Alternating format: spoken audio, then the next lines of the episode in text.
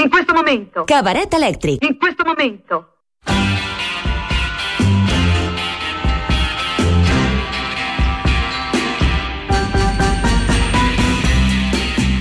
I ja hem arribat in questo momento a la secció de Rigor Mortis. Um, Anna Ferrer, questo momento. Jo encara m'estic recuperant del Cuesta Sí, home, Momento. M'ha agafat totalment fort. desprevinguda.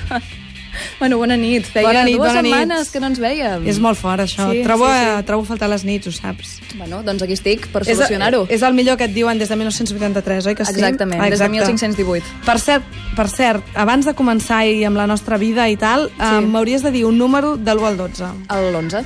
Doncs l'11 és l'Adela Ortiz, que s'endú el còmic perquè ella diu que vol marxar a la illa de Corfú. Jo també vull ma- marxar a Corfú.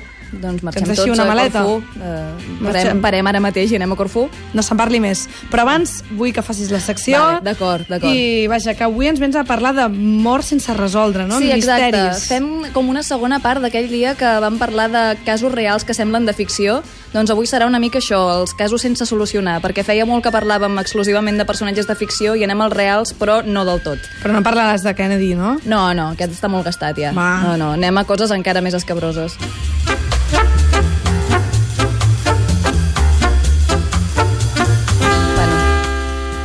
Tenim jazz de fons i ja veurem després per què. De moment parlem d'un cas que es diu el cas Tamanchut o Tamanchat o no, Ta- Tamanchau, no, no sé. Tamanchau, no sé. Tamanchau de sangre. deixem un Tamanchut, Sí. que va passar a Austràlia el 1949. I això és, bueno, hi ha molts factors en aquest cas, però el cas és, va aparèixer el cadàver d'un home a la platja de Somerton, Austràlia, que havia mort enverinat. Fins aquí tot bé. Uh -huh. Què passa? Que es va començar a investigar i primer no es va poder identificar l'home de cap de les maneres. Després que la policia no va poder trobar quin era el tipus de verí que havien fet servir per matar-lo.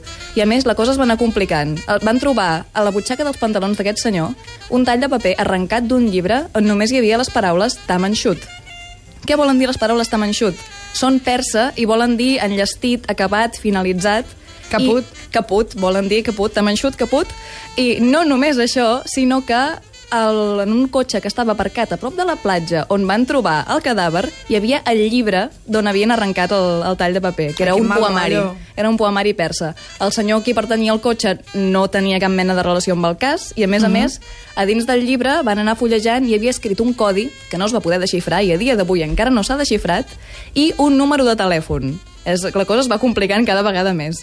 Van trucar al telèfon i va contestar una senyora a la que van estar investigant i sí que tenia certa relació amb el llibre, sí que tenia com unes quantes coses, però la van acabar descartant perquè no semblava tenir relació directa amb l'home que havien trobat. I hi ha molts... I, bueno, és un cas famosíssim que encara posa els pèls de punta a molta gent. Si voleu buscar, hi ha explicacions amb encara més factors que no s'han pogut connectar, una maleta, unes coses, i fa una mica de cosa, i és, és molt cinematogràfic, Com també. és que l'has posat rascallú? En Rascallú, quan mueres que eres tu, no, ja veuràs. ja, ja veuràs per què no he posat Rascallú de fons, que també és per protegir-nos de, dels assassins raros. Uh -huh. Però abans parlem del de, cas dels peus sense cos. Què me'n dius? Um, o sigui, pies sin cabeza. Sí, uh, sí, pie, pie sin ho cuerpo, de tradu- directament. ho he hagut de traduir perquè no, no ho podia creure. És, no, no és uh, ni pies ni cabeza, és Sí, pies sense- sin sin cuerpo. cabeza. Exacte. Això va passar al, Canadà, al Canadó, anava a dir. Al Canadà, a partir de l'agost de 2007, han arribat cinc peus separats dels seus cossos. No hi ha hagut ni roba, ni altres extremitats, ni cap mena de res.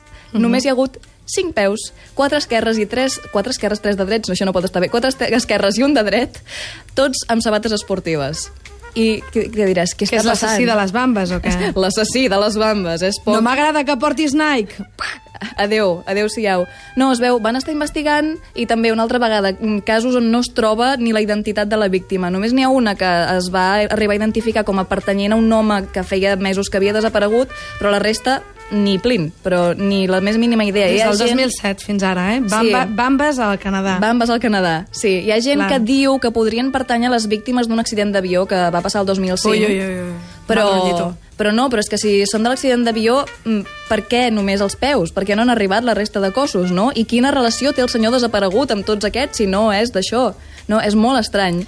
És... Mira, a Twitter ens diuen ens encanten els expedientes X aquí de la- de l'Anna Ferrer. Doncs sí, sí, avui és un expedient X. Molt fort, aquest. Es Posa música romàntica per parlar-nos de peus tallats i de coses Que hi ha, d'aquestes. que hi ha bé, millor que per alegrar una vetllada romàntica que parlar de peus Això tallats. ho fa servir tu per lligar a les nits? Bueno, mira, no, no t'ho diré. No t'ho diré perquè em rebentaràs tots els trucs. No, ara t'explicaré el motiu pel qual estic posant jazz de fons. Perdona, ens diuen des de Digues, Twitter l'assassí és algun runner, runner frustrat, Frustrat. perquè no aconsegueix fer una marató. I ja Com està. veus? No aconsegueixes fer una marató, talla les bambes que vegis. Exacte. Però només una, només una. Bé, doncs, eh, el motiu del jazz es diu l'assassí de Nova Orleans. Però només a Nova Orleans podria passar un cas com aquest. Això és, entre maig del 1918 i octubre de 1919, un senyor, de qui mai es va descobrir la identitat, va matar 8 persones i, bueno, el modus operandi és lo de menys. Els entrava, la- els entrava a casa, agafava una destral que fos seva, que fos de les víctimes, i les matava. Però la part curiosa no és això, sinó la carta que va enviar a la policia quan va deixar la ciutat. Va dir, era una carta molt llarga, això me'n vaig de Nova Orleans, us perdonaré a tots, però l'últim paràgraf era algo així com adoro el jazz i juro per tot que perdonaré qualsevol persona que tingui jazz posat a casa. Si escolteu jazz, tot això que hi guanyeu. Si no, topareu amb la meva destral. I això, bueno, ja... Un ja... veí enfadat? Hi ha un cert debat sobre si és veritat o no que va escriure ell aquesta carta, però és que mai més es van donar aquest tipus d'assassinats allà. O sigui que assumim que sí, que era només eh, promoció de, del jazz. eh, Era, era un music businessman Era- de, exacte. de, de New Molt- Orleans. molt de- entregat, Exacte. molt entregat a no la sabrà, causa. No ho sabrem mai, no ho sabrem mai. Vale. I l'última, que m'encanta, que de fet eh, no és tant un cas sense resoldre, sí que hi ha més o menys unes quantes explicacions, però els que la volia portar un dia i no ho trobava Sí. i se'ns està acabant la temporada. És l'epidèmia de dansa de 1518. Epidèmia de dansa. De 1518. Sí, sí, sí. És, bueno, és conegudíssima. Si no la coneixeu, és el vostre dia. Això va passar a Estrasburg i eh, tot va començar quan una senyora que es deia Frau Trofea es va posar a ballar sense parar al mig del carrer. I no podia parar, però de veritat, no podia aturar-se. Es pensava que estava posseïda per alguna mena de força sobrenatural i estava desesperada. Es va posar a ballar, quan dic sense parar, vull dir una setmana seguida, però és que a la que portava una setmana ballant, l'epidèmia es va anar estenent i ja portava 34 persones que se li havia unit. I totes estaven això igual passa, de això desesperades. passa a les 3 de la matinada a l'Apolo, eh? Ja. Sí, però, bueno, esperem que puguin parar. No estan, no estan ballant com ja, sense... ja. Estan ballant per voluntat pròpia. Que fort. Aleshores, eh, al cap d'un mes ja se li havien afegit més de 30 persones, i Mhm. el, eh, no, a la setmana ja eren 30 persones i al cap d'un mes eren 400. O sigui, es va estendre per tot arreu. La gent estava desesperada i la majoria de gent, quan parava de ballar, era perquè moria d'esgotament per atacs de cor o per hemorràgies Però cerebrals. això no ho has llegit, a veure. Això Anna. està tot arreu, jo, està Sí? documentadíssim, però més està documentadíssim. Hi ha llibres, hi ha molts apunts de metges, de sacerdots, de diaris personals, de, de gent que diu això, i que més que confirma que la gent estava ballant, que no eren com, no tenien convulsions, no estaven tremolant, era ball. I sí, sí que hi ha Val, unes val, quantes... val. Sí, sí. No, no, és- m'ho crec, m'ho crec. És increïble. Si ho més, dius tu, ja m'ho crec. es veu que les autoritats d'Estrasburg, a més creien, cre, es diu que creien que ballar els aniria bé per treure's els, com els esperits de dins i van construir escenaris i van fer cridar músics.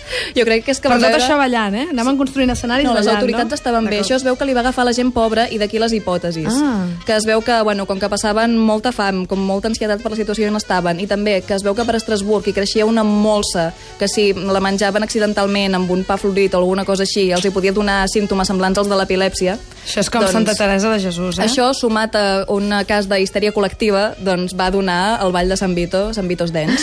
Molt bé, tu, I- doncs, escolta'm, Sí, sí, ballarem, sí. tornarem al 1518 i ens farem un fart de ballar. Balla com si fos 1518. Exacte. Moltíssimes gràcies, Bona Anna. nit. Fins aviat.